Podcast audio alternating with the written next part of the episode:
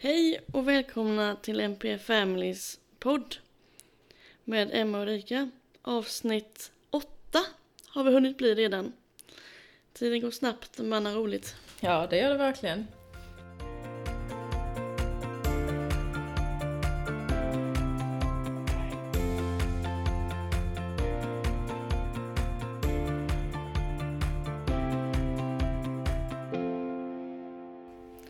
Fortsatt väldigt kul med all respons man får på den. Ja, jag tycker det är jätteroligt. Jag, det måste jag faktiskt ta och lyfta. Jag fick ett eh, meddelande på Instagram. Eh, Det Mm. var en annan förälder som... Det var så mycket igenkänning i den här podden, tyckte hon. Och eh, det var så roligt att höra. Och det var liksom de här vackra orden som hon, som hon skrev. Liksom, bara för att hon känner igen sig och det känns stöttande att vi pratar om det som faktiskt ingen annan vill prata om. Ja men det är härligt att folk skriver det. Folk har också skrivit till mig.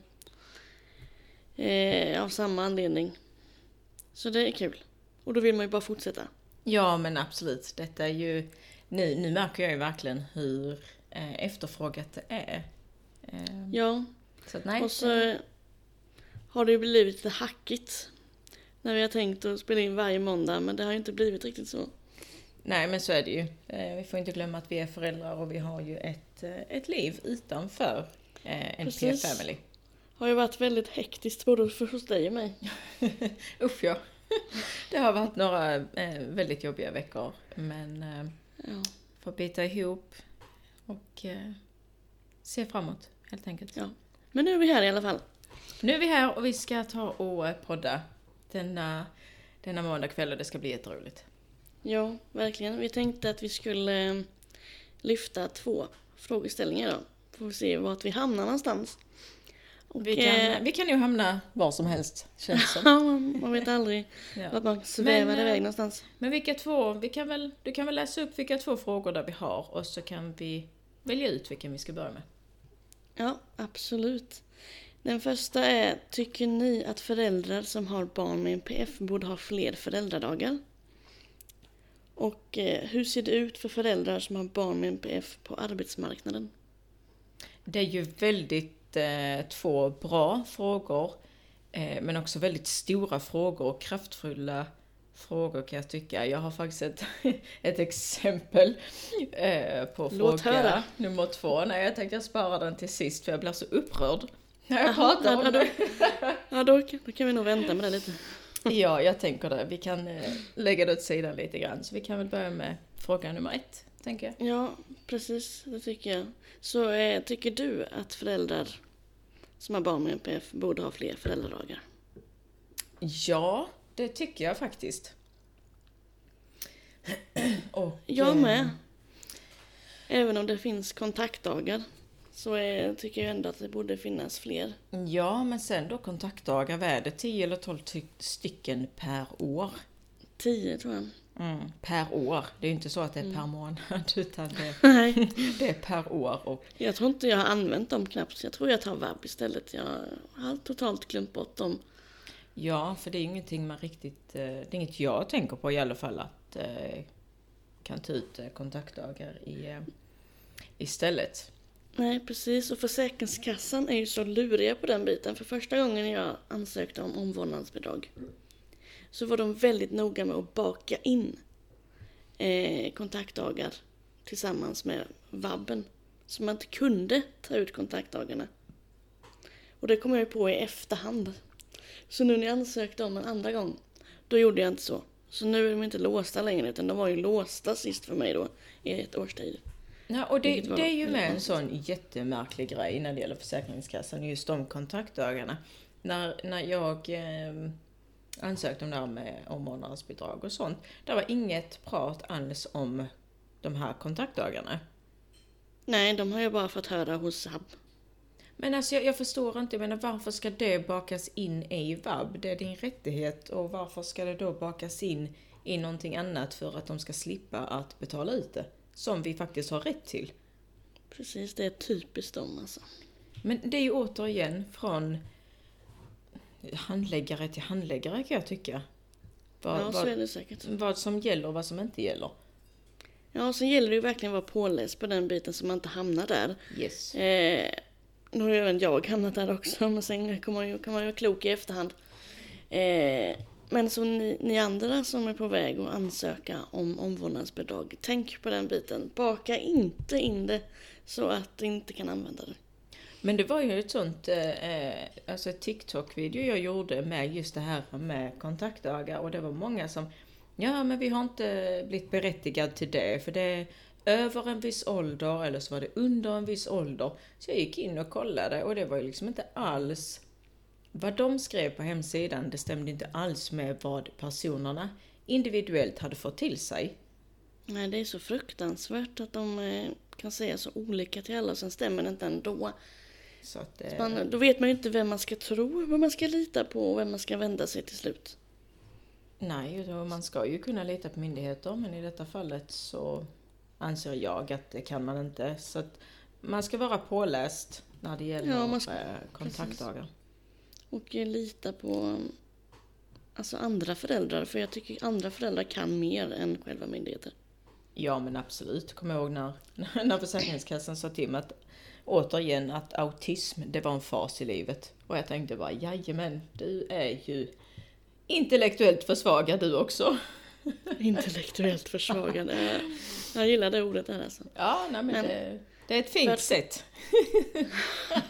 För att få en anställning på Försäkringskassan så måste man nog vara kvalificerad eh, intellektuellt försvagad innan man får det. jobbet. För jag tror aldrig jag har träffat på en trevlig person där.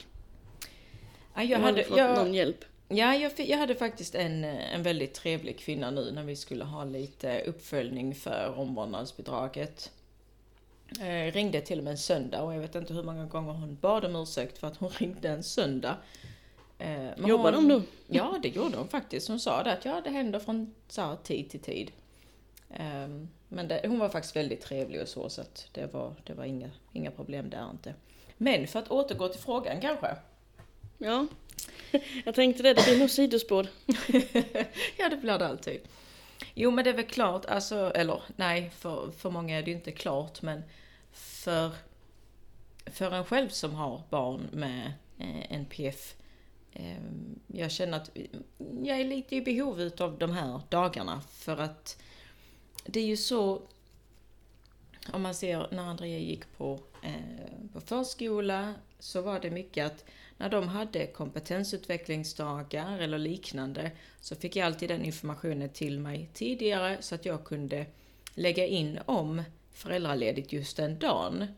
För att, för att hon skulle slippa eh, vara på förskolan med vikarier till exempel. Ja, jag har eh, nästan samma problem här, alltså i sommar. Jag har ju tidig semester i år. Mm. Som tur är så kunde vi lösa det ändå. Men om jag hade varit ensamstående som dig, eller eh, ja, annan, av någon annan anledning inte kunde lösa det. Mm. Då hade jag ju fått ha Liam på ett annat fritids med andra personer, med andra vikarier. Ja, och sånt I funkar fyra ju- veckor. Ja, alltså det funkar ju inte. Det vet Nej. jag att du har de här på fritids också. Då ska de vara mitt ute i, alltså landsbygden snackar vi nu. Ehm, och det funkar inte. Och för det första så går inte bussarna, alltså man får köra dem dit. För jag frågar ju taxichauffören också liksom att Kör ni då dit och hämtar mitt barn? Nej, det gör de ju inte. Jag bara, nej. Nej, det går ju ingen taxi då, eller buss. nej, precis. Man får ju skjutsa själv också. Så att det, det hade ju inte funkat överhuvudtaget med den biten. Men just det här att det hade aldrig funkat med ny personal, nytt ställe ehm, under den här tiden. Så att nej, så mycket på grund av det så är vi i behov utav mer föräldradagar. Ja, det, då hade det verkligen behövts. Eh, I vårt fall hade det inte behövts eftersom eh, jag har en sambo som kan anpassa sig. Men hade det inte varit så så hade det ju verkligen behövt det och samma sak gällande både julen också och alla andra dagar. Mm. Som alla extra möten man måste gå på. Och hela barullan om inte kontaktdagarna räcker till. Nej men precis. Alltså det... Och i alla fall som när man lever själv med, med barnen och så. Det, det är ju väldigt känsligt det här med arbete och med barnen på fritids eller förskola eller ja, var de nu går. Det, man är ju känslig för man är ju bara själv och man, jag kan ju inte dela på mig utan jag behöver ju vara på mitt arbete samtidigt som att min, alltså mina barn behöver tryggheten i den personal som de känner. Precis. Men har du eh, fått beviljad semester i år? Ja, jag har fått väldigt sen semester. Mm. Eh, har jag gjort, men jag har lagt in, jag har försökt smyga in med två veckors föräldraledigt innan min semester. Ja, men det måste, kan de ju inte neka till. Inte föräldraledighet. Jo, alltså de kan ju faktiskt eh, de kan ju faktiskt det för att om man då utgår de. ifrån, ja, eh, det var både jag och min eh, samordnare, eller före detta samordnare som, som kollade på det. Hon sa att utifrån föräldralagen så är det två månader. Men utifrån arbetsgivar någonting, någonting lagen så är det tre månader. Mhm. Eh, Ja, man lär sig allt något nytt varje dag. Ja, och då är det ju lite att väljer då arbetsgivaren att neka det, ja då går de ju emot alltså föräldralagen som, alltså det är min rättighet. Men Mm. Då följer de ändå en annan lag. Men de bryter mot en annan. Så Ja, det går ju eh, lite emot sig själva faktiskt. Ja, det gör det. Eh, Så att eh, där kan de ju faktiskt, eh, kan de faktiskt neka.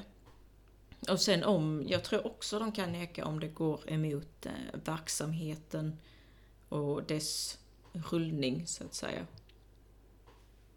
Det är lite, Ja, det är lite. Det är lite olika på det där. Jag tror det beror väldigt mycket på vem man har som arbetsgivare.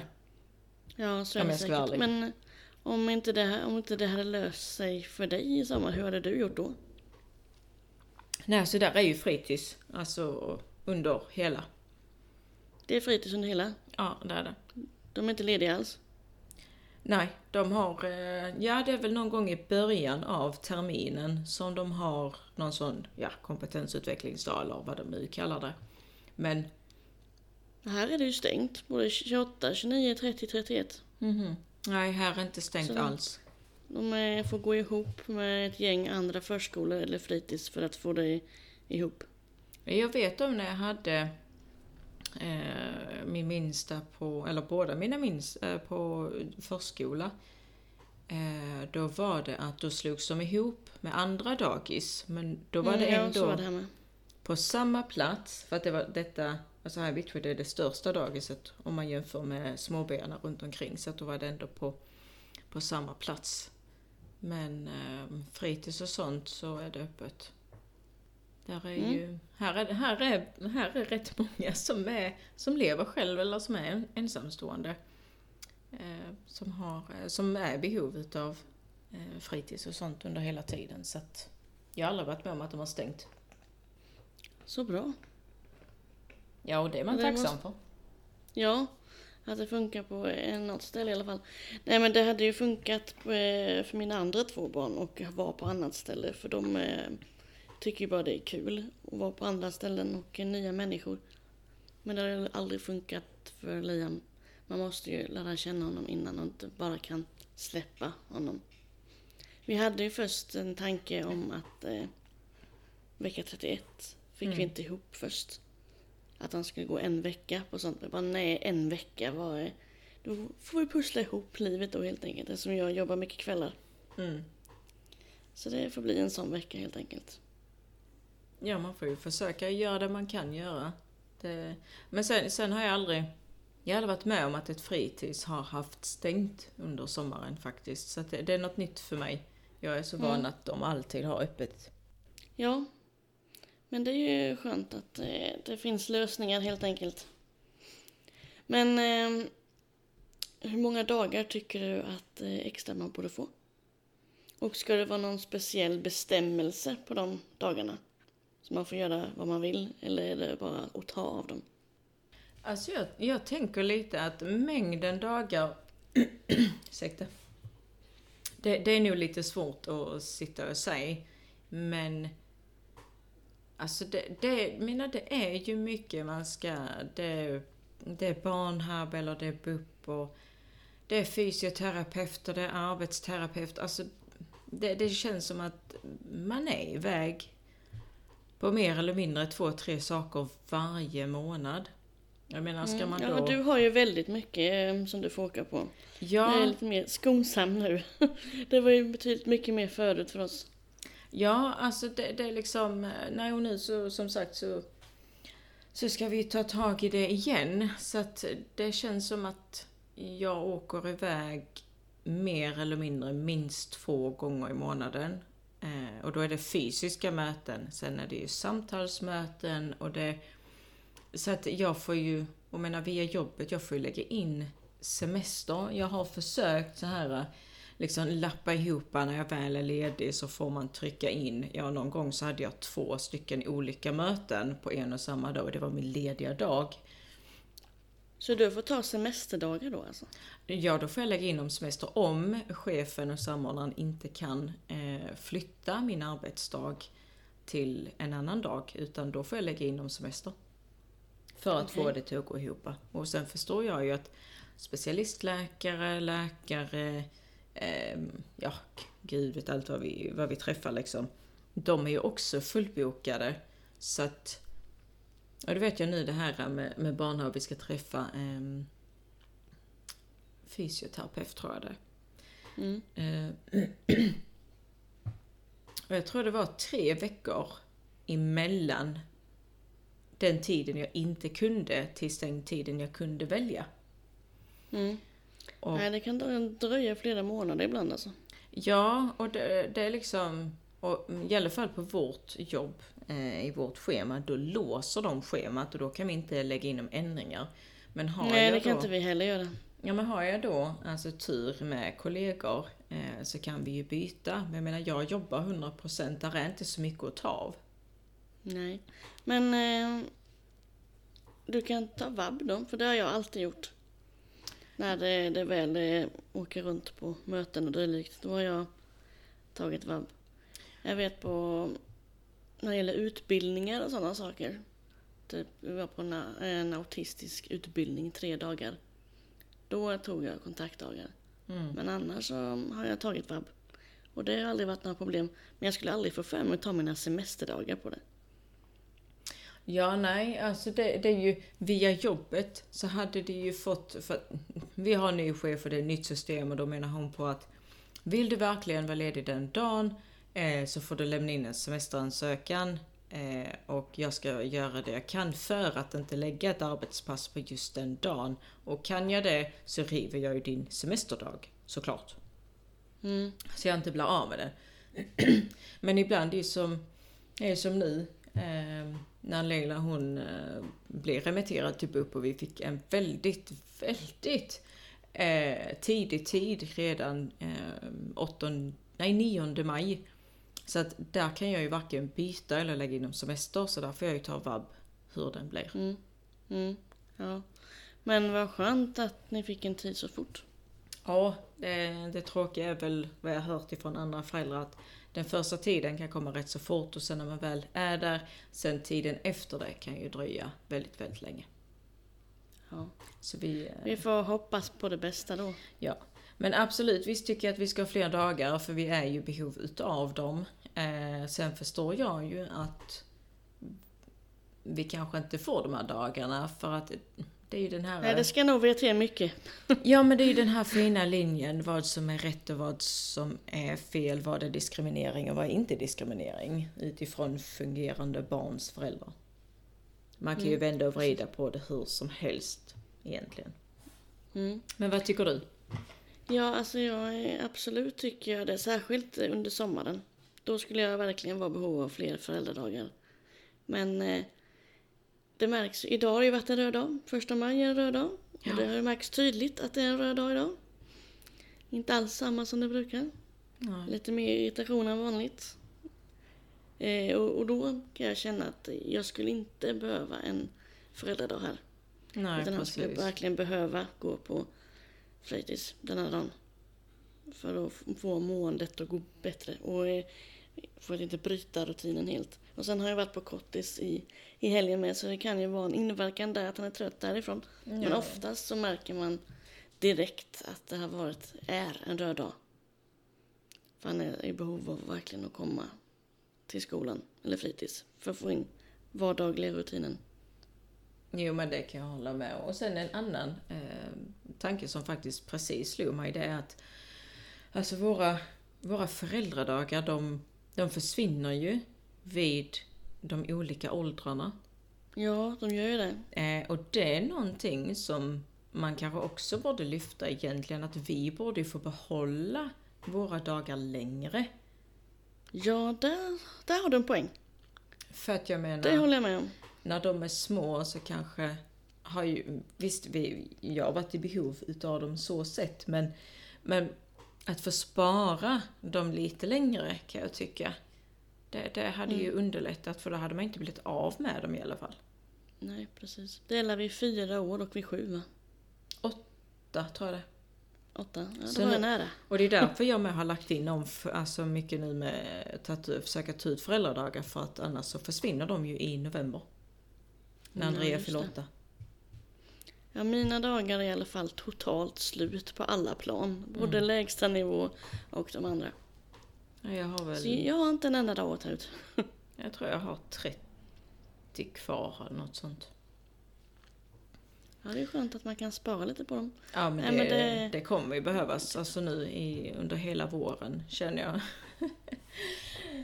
Åh, vilken vår vi har framför oss. Men ja, nej så det, det kommer liksom gå åt även om jag blir beviljad föräldraledigt eller inte så kommer de att gå åt. Så att Mm. spara Har, dem. ni har ni mycket inplanerat? Möten och dylikt framöver?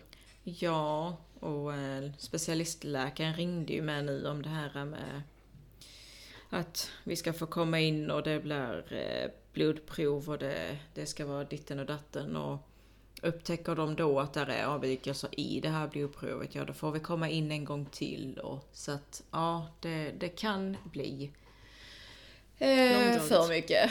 Ja, det kan det. Men eh, vi har klarat det innan och jag tänker att vi, eh, vi klarar det nu också. På ett eller annat sätt så gör man ju det oavsett hur trött kroppen är. Även om man är totalt slut mellan varven så Ja, klarar man ju det ändå på något sätt. Ja, det, man gör ju det. Ja, ibland uh, känner jag själv liksom, hur, hur ska jag orka detta? Och, men uh, ja, på ett eller annat sätt, precis som du säger, så klarar man det.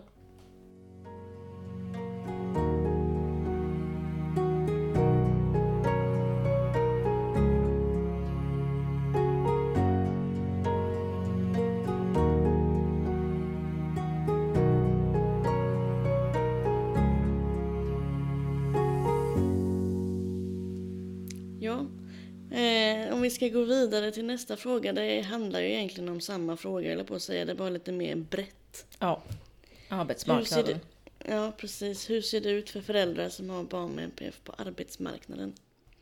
Har du något eh, konkret exempel på att eh, du har blivit av med jobbet på grund av... Eh, Eh, vi kan ju, alltså, ja, där, där har jag faktiskt eh, två exempel. Eh, jag tänkte jag ska börja med det första, för jag har aldrig känt mig så nedvärderad och kränkt på en och samma gång. Det var Spännande. faktiskt, nej, ja jätte. Eh, nej, det var faktiskt vi, eh, alltså jag skulle ha ett helt vanligt inskrivningssamtal på Arbetsförmedlingen då.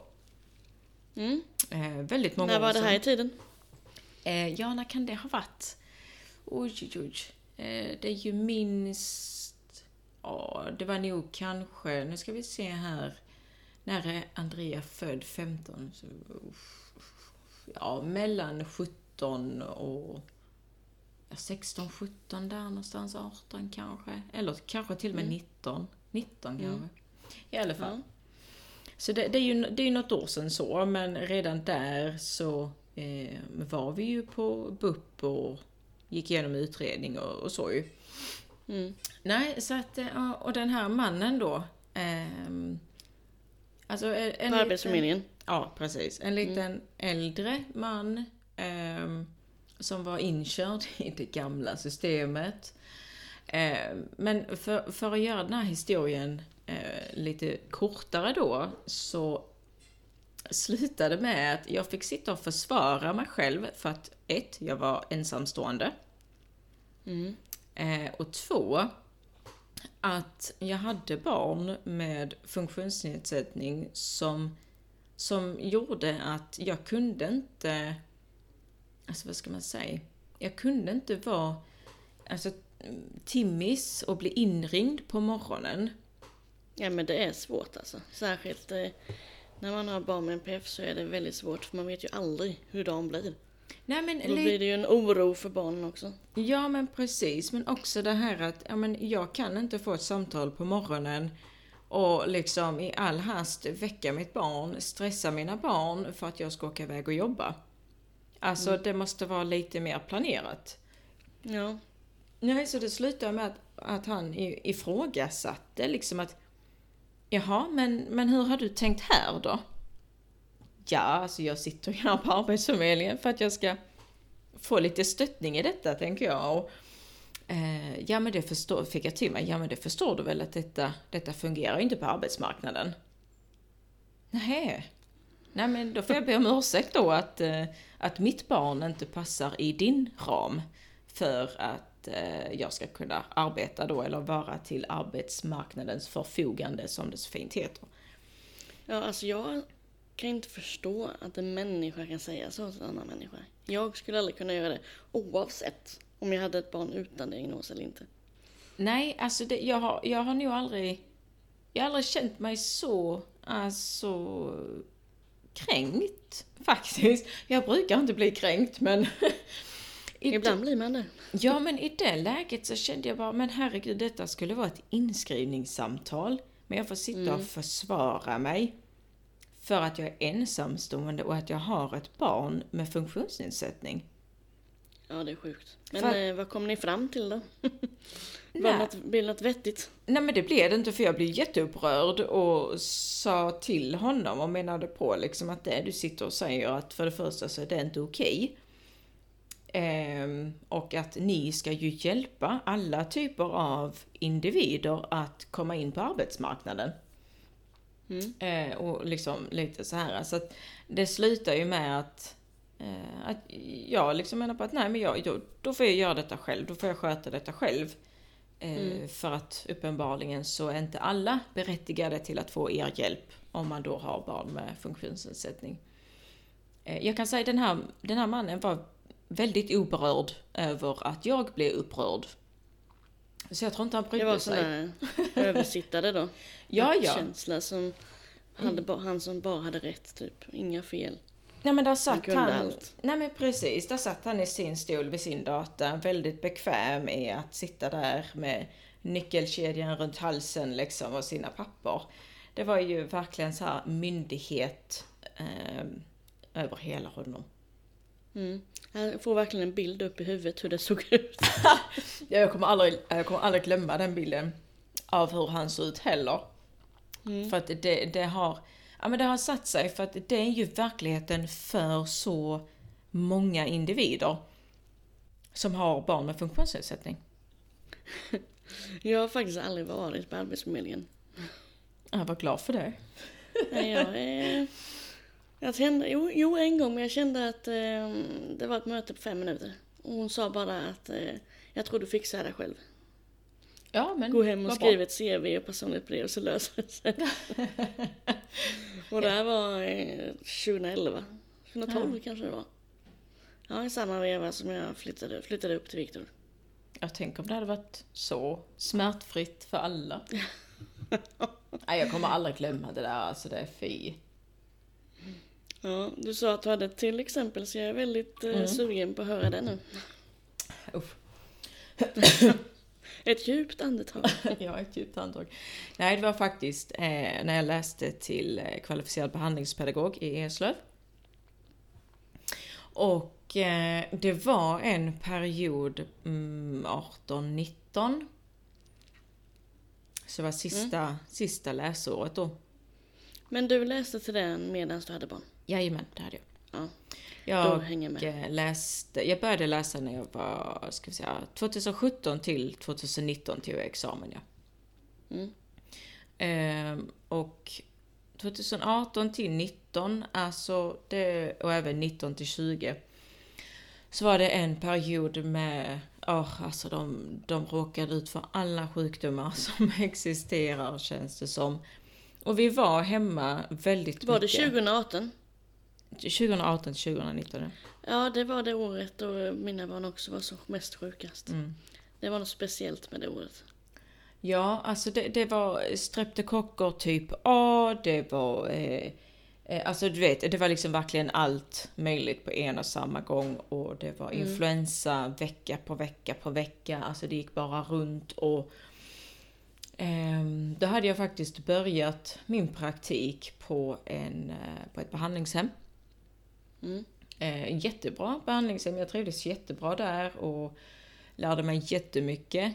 Eh, men det tråkiga var ju att jag fick avsluta min praktik för vi hade möte med, vi hade möte med skolan och, och så. Då sa de det att vi måste tyvärr eh, låta dig gå för att eh, du, har varit, alltså du har varit borta eh, så pass mycket så att vi, vi har ingenting att kunna arbeta med för att sätta ett godkänt. Ja, det måste kännas i magen.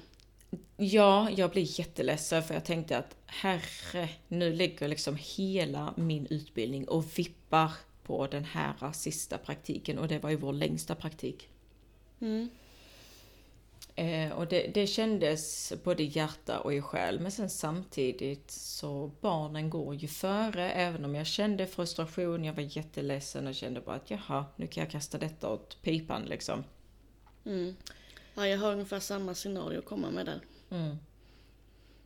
Ja men det, det gör något med en. Alltså det, vi som förälder, jag, jag gör allt för mina barn och speciellt idag så är det att nej men mår mina barn inte bra då, då är det de som gäller. Men, men Det är, ingen, det är ingen som tackar en som man gör, om man gör tvärtom. Nej, det är ju Nej. inte det. Och nu kunde jag ju lösa det på ett annat sätt eh, med just min praktik så att jag gick ut och tog examen precis som alla andra. Mm.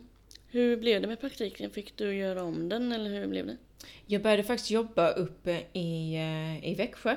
Fick fast anställning där, men att jag då första perioden gjorde praktik eh, istället. Så Mm. att eh, det, det, blir ju, det blir ju fantastiskt avslut ändå. Jag tog examen och allt det här. Så att det, det, blir, det blir jättebra. Men just den stressen, den onödiga stressen jag kände. Eh, det gjorde ju liksom inte saken bättre för, för mitt mående. Förstår precis. Förstår precis. Och jag tror många andra kan känna igen sig i det också. Det är bara att folk pratar så lite om det. Ja men det är ju ingen som vill prata om det, det är ingen som vågar för att Alltså bara, bara det misslyckandet jag kände inom mig ehm, Alltså prata om det med någon annan, det var ju knappt jag gjorde det alltså. För jag kände mig så Nej, fruktansvärt misslyckad. För Ja, det man för, gör ju det. Jo men för det första så kände jag mig misslyckad för att jag fick avsluta min praktik. Samtidigt så kände jag mig misslyckande som förälder att jag ens hade tanken om att jag blev frustrerad för att jag blev med min praktik och inte tänkte på mina barn som var sjuka. Förstår du lite vad jag menar? Ja, det är man får dubbla känslor Mm. överallt, hela tiden. Vad man än gör så är det dubbla känslor. Ja men precis.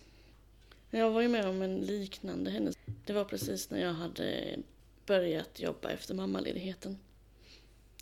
Fick ett jobb också med NPF då.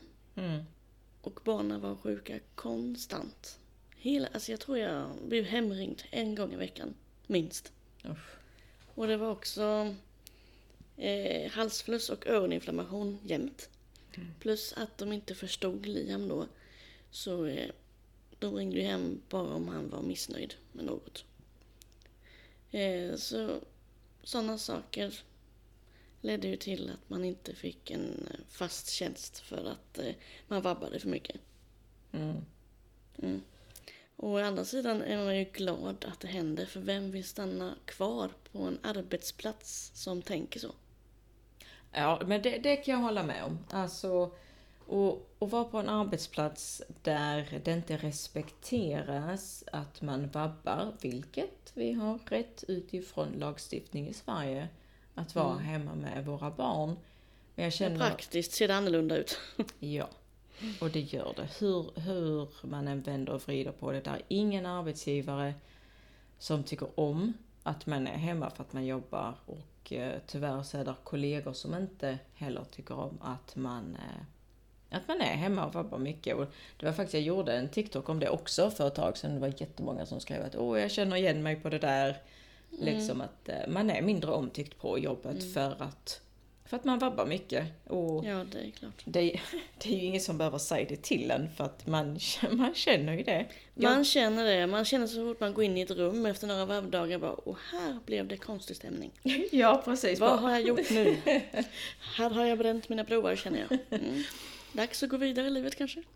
Ja, ja, jag vet på, på min arbetsplats men på, på en annan avdelning som jag jobbade på innan och där var ju med en annan eh, mamma som, eh, som också har alltså, en, en liten tösabit som, som också har vabbat mycket. Och, eh, hon och jag vi funkar lite likadant, att man nästan ber om ursäkt för att man behöver vabba. Och varje gång jag tog samtal så nej du ber inte om ursäkt, nu är du hemma, nu tänker du bara på ditt barn, nu bryr dig inte om någonting annat liksom. Ja, jag är typ arrad ifrån det 2018 så jag ber Ja. alltid om ursäkt.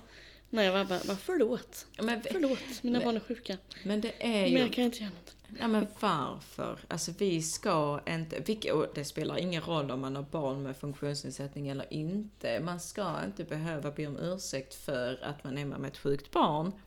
Men det gör Nej. man automatiskt. Ja, det gör man. Jag kan förstå.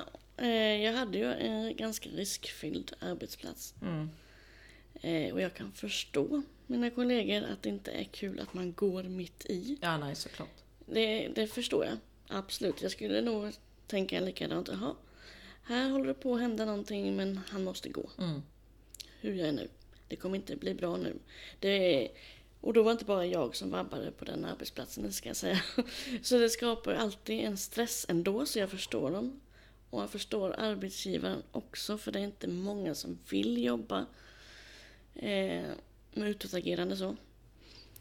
Eh, men det är ju fortfarande inte vårt problem som arbetar Nej men sen, och skaffa alltså, in folk. nej men alltså om man, om man nu ska dra det väldigt eh, långt det här med att, med att vabba och sånt. Jag menar, ja men för det första då behöver de inte anställa någon som har barn där man behöver vabba. Då får de ju anställa Nej, de som är, alltså som har barn över 12 till exempel och inte har barn med funktionsnedsättning. Jag menar, precis. om man inte, alltså om vi inte får barn, då har vi ingen framtid. Så att det, det är ju liksom, alltså lite pest eller kolera, det, det är bara till att acceptera, kan jag tycka. Mm. Och sen, eh, jag tror jag på varenda arbetsintervju jag har varit på. Så frågar jag alltid, jag hoppas det är okej att jag vabbar. Jag vet inte varför jag frågade. Men det sitter ju fortfarande kvar. Ja. Det är en skam att vabba. Jo men det är det. Om man väl, ja, om man väl frågar på en intervju så tittar de på en som om man vore dum i huvudet. Varför frågar jag den frågan? Det är klart att det är okej att vabba. Jag bara, ja, okej, vad bra. Men ni säger inte vilken mängd. det är okej att Nej, precis. precis. Ja men det, det kan jag tycka, alltså visst jag förstår att en arbetsgivare vill, vill veta lite hur, hur familjesituationen ser ut men det vet jag nu på, på den arbetsplatsen jag har. Eh, det var ju, jag är ju sån, jag berättar ju att jag är själv med mina flickor. Eh, för att för det första så är jag väldigt stolt över att jag är själv med mina flickor men att jag får vår vardag Det och, ska du vara. och vår, Jag är imponerad på riktigt alltså. och vår ekonomi. Nej men alltså att hela livet går runt ändå. Fast jag är själv. Men, men också eh, faktiskt alltså lyfta mitt, eh, mitt fantastiska nätverk som jag har runt omkring mig. För jag menar utan mina föräldrar, utan min väninna Jana eh, och min, min bror Christian och hans sambo Anja. Alltså utan dem, ja, men då hade jag ju inte kunnat arbeta egentligen överhuvudtaget. Nej. Så att för mig är det ju Nej. ett sätt att lyfta dem också. Eh, och på något sätt att ja, men jag har ett fantastiskt nätverk. Sen betyder det inte att de ska ställa upp eh, när mina barn är sjuka. Nej. Sen vill man ju vara hemma med dem också. Ja men såklart man vill. Lite extra mys. Ja men så är det ju. Alltså, det vet jag att min, min minsta, eh, hon, hon blir väldigt, eh, det blir väldigt annorlunda när hon är sjuk. Mm. Eh, och eh, där känner jag att nej men där, där måste jag vara som mamma för att eh, i hennes situation kunna tolka henne och stötta henne och hjälpa henne utifrån de behoven hon har när hon är sjuk eftersom hon har, hon har andra behov och det, det tes på ett annorlunda sätt, speciellt i hennes kommunikation när hon är sjuk. Mm. Ja, det är samma med Liam. Att man måste... Ja, han eh, är också väldigt annorlunda. Förutom när han hade RS-virus då i januari. Mm. Då satt han helt still i en vecka. Han rörde inte en fena. Annars så brukar han springa fram och tillbaka och vara jätteorolig för det är något i kroppen som känns fel. Mm. Men inte den gången. Och han hade vattkoppor i höstas. Det, det var inte kul. Så jag hade inte... inte en, ja, jag skulle aldrig vilja ta in någon annan då. Och ska ta hand om honom. För det vill man ju själv som mamma. Då blir ju han tryggare också. Ja men såklart och just det här med att låta eh, anhöriga vabba, det kan vi faktiskt också ta och lyfta. Eh, Ja, det har faktiskt hänt nyligen här. ja, jag har faktiskt fått, jag vet inte hur många frågor jag har fått eh, angående att anhöriga kan vabba. Eh, även, Fick även frågan av en kollega på jobbet om, om det är okej. Så att vi googlade och lite sånt och det är ju okej att en anhörig, Mm. eh, utifrån vilket slag, men att de är anhöriga till barnen och familjen, att de faktiskt är beviljade till att vabba. Mm. Jag, eh, Benjamin Sambos mamma har vabbat åt oss nyligen. Mm. det var lite mycket grejer som hände på en gång där. Ja. Eh, så de har ju... Så hon har vabbat några gånger. Men har du, har, du, har du koll på hur det går till eh, om man nu vill att en anhörig ska vabba åt, eh, åt ens barn? Eh, har, du, har du koll på? Ja, det, jag kommer faktiskt inte ihåg om de har ansökt om det eller inte. Men jag tror inte det. Jag tror bara att de har gått in på Försäkringskassan, skrivit i barnens personnummer. Och sen är det klart liksom. Där har jag faktiskt svaret på den frågan. Jaså? Ja, det har jag faktiskt. Hade jag fel nu? Nej, för att eh, alltså det, det är ju lite det här att antingen om jag förstod Försäkringskassan rätt så vill de ju gärna att det ska läggas in en ansökan skriftligt. Eh, men Mm. också lite att man ska ringa in och prata med dem. Eh, att Mm. eh, det, vi säger till exempel min brors eh, sambo då, Anja. Mm. Att hon eh, ska vabba så vill de då gärna, om jag förstod dem rätt, att man ska då lägga in en ansökan men också ringa in och prata med dem. Och, eh, men det är en så engångsgrej och sen efter det, när personen i fråga finns i systemet så kan de vabba som vanligt så att säga. Mm. Men att, Nej, men jag, jag kommer inte ihåg. Mm. Men det var ju länge sedan hon vabbade första gången. Så det, ja. vi gjorde säkert så då. Om inte är ju väldigt bra men kort. Så jag kommer inte ihåg. Men eh, hon vabbade nyligen i alla fall och det funkade. Mm. Nej, så att den möjligheten finns ju också om man känner att man har en anhörig som barnet känner sig trygg med när man eh, Alltså när de är sjuka, för att de, de är lite annorlunda, det måste jag, måste jag faktiskt säga. Så finns ju den möjligheten. Mm. Men det är väldigt bra för folk att veta så man inte känner sig helt låst bara att det är föräldrarna. Utan att det finns möjligheter för nära och kära, släkt, vänner. Ja, och det tycker jag är rätt bra att även om det är en väninna eller en vän så kan de också eh, ansöka om att eh, få vabba för ens barn. Perfekt. Jo men det, alltså som sagt återigen där som ensamstående, där är jag väldigt... Eh, ehm, alltså, som sagt, ja men låst, alltså det, det är väldigt sårbart att vara ensamstående på många sätt. Ja. Ja, det förstår jag. Nu har jag aldrig varit i den situationen själv men eh, jag kan ju verkligen förstå att det måste ju vara en stor press Ja, det, att kunna klara allt. jo men det är ju som nu, Leila hon är lite, lite snuvig och man bara nej. nej, nej, nej, det gå och snyk dig.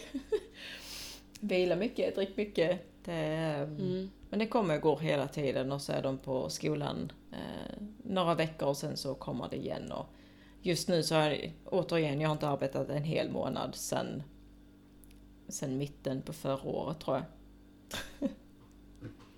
Nej, Malta har väl varit frisk en vecka på en och en halv månad. Han eh, har gått på fritids, eller fritids säger jag, förskolan i två dagar tror jag. Men han är snorig igen, men han har ingen feber i alla fall. Så det går ju att skicka han. Men eh, Det tar ju aldrig slut. Nej men det gör det inte. Eh, det känns som att det är den här onda cirkeln. Eh, men som sagt, det blir ju... Någon gång så blir det ju lite bättre tror jag. Andrea är inte lika sjuk nu som hon var när hon var mindre. Hennes immunförsvar har ju förbättrats och det är jag ju oerhört tacksam för. Ja. Framförallt för henne själv. Ja, men visst är det så. Ja, och dig.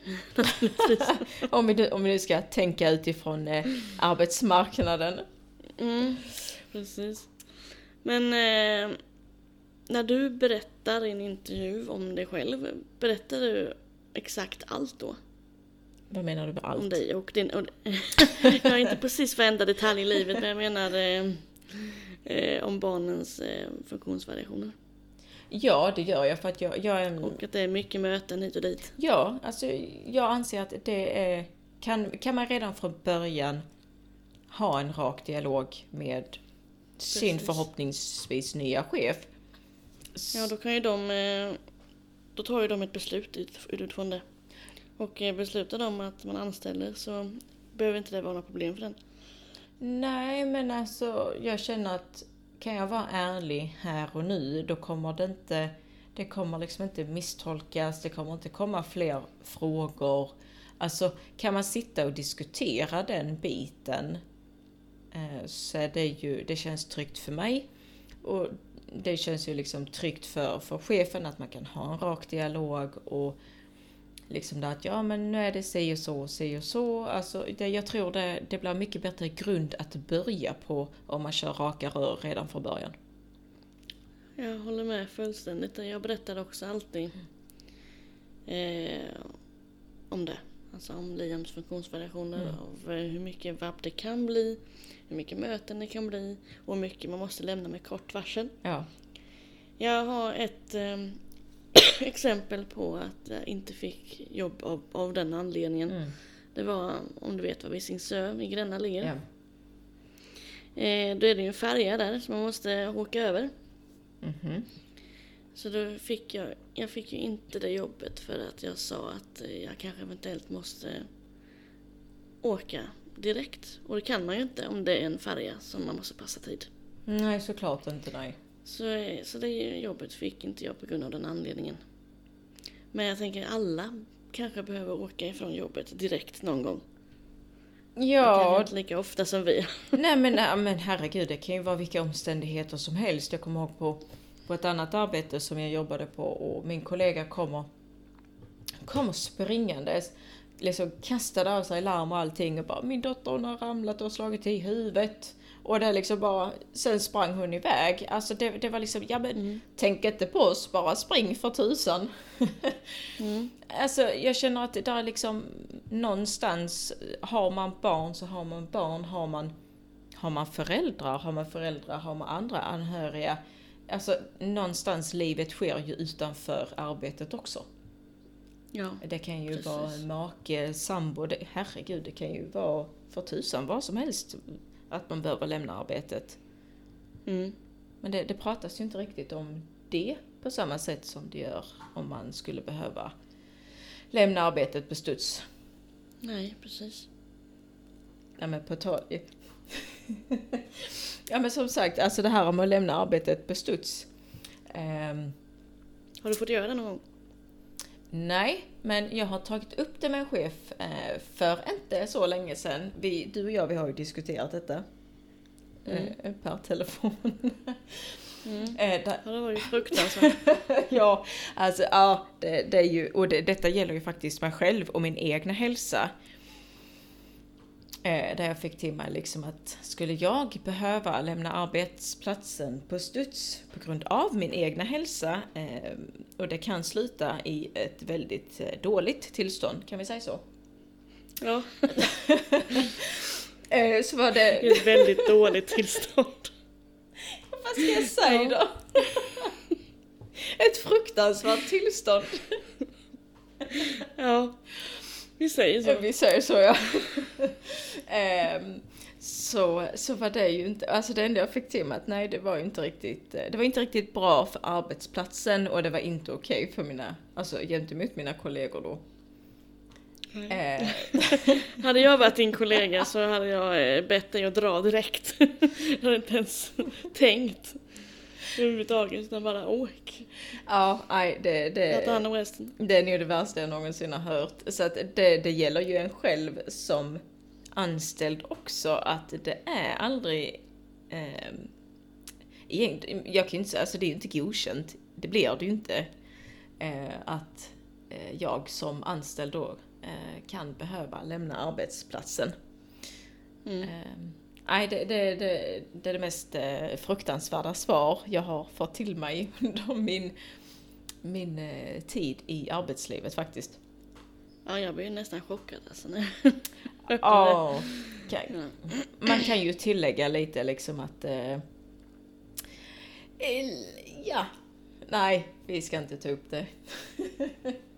Det får bli ett annat avsnitt helt enkelt om eh, vår, vår, våra tillstånd. Ja, jag känner att det, det är ingenting man ska gå in på nu. Ehm, men ja, det, jag känner väl att det, det kommer väl komma en förklaring lite längre fram varför det har varit som det har varit, tänker jag. Ja, det lär det bli. Jag har lite att bearbeta båda två. ja. Ja, men ska vi knyta säcken här så det inte spårar ur? Nej, men precis. Jag tycker det låter jättebra. Men för att Jag vet återgå... inte om vi, Vad sa du? Jag vet inte om vi har fått sådana konkreta svar, men vi har ändå diskuterat det. Ja men det var precis lite det jag tänkte på att för, för att sammanfatta lite det där att ja, vi, vi tycker att vi borde ha fler föräldradagar och Mm. arbetsmarknaden, ja, det är ju inte jättepositivt att ha barn med funktionsnedsättning. Det är min, Nej, det är min erfarenhet i alla fall. nej precis. Det, det låter så bra i teorin. Ja, Men men det fungerar inte praktiskt. nej, Så, som allt annat. så kan man väl säga. Ja. Men eh, vi får väl tacka för oss då. Så får vi se när det här avsnittet dyker upp i veckan. Precis. Då får ni ha det så bra helt enkelt och hoppas ni har lärt er något. Eller eh, känner igen er på ett eller annat sätt. Ja, vi får se vilka svar vi får på det. Inga alls. Jo då, det brukar vi få. Ja. Tack så jättemycket för att ni Ja. lyssnade. Var rädda om er och eh, vabba på, tänkte jag säga. Ja, vabba på det. Ja, det är era rättigheter. Ja, precis. Hej då. Hej hej!